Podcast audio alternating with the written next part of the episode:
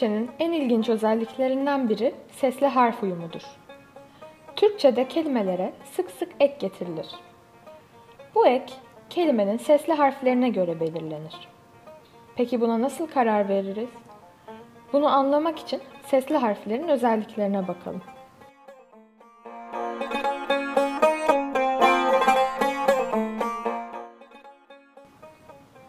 Türkçede sesli harfler ikiye ayrılır.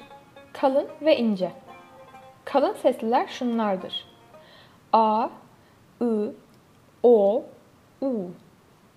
İnce sesliler ise şunlardır. E, I, Ö, Ü. İnce seslileri ağzımızın ön tarafında, kalın seslileri ağzımızın arka tarafında öğretiriz. Aklınızda daha iyi kalması için bir kere daha tekrarlayalım. Kalın sesli harfler A, I, O, U. İnce sesli harfler E, I, Ö, Ü. Kelimeye gelenek, kelimenin son sesli harfine göre belirlenir. Son sesli harf ince ise ekte de ince sesli harf olur. Son sesli harf kalın ise ekte de kalın sesli harf olur. Yani ekin iki çeşidi vardır. Bu tür sesli harf uyumuna iki yönlü sesli harf uyumu denir. Haydi birkaç örneğe bakalım. Ler, lar çoğul eki. Kelimeyi çoğul yapar.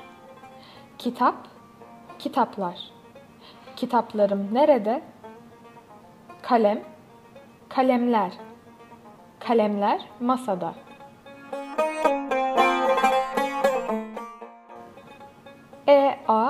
Yönelme eki.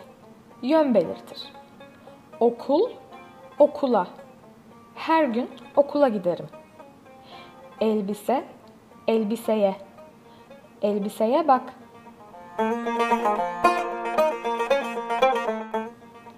D, da bulunma eki. Konum belirtir. Kapı, kapıda. Kapıda kim var?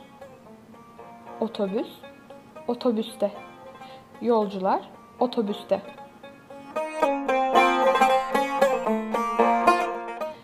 Den, dan ayrılma eki. Uzaklaşma belirtir.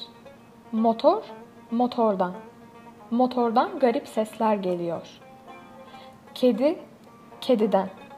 Köpek kediden kaçtı. Ecek, acak. Gelecek zaman eki. Gelmek. Gelecek. Ahmet yarın eve gelecek.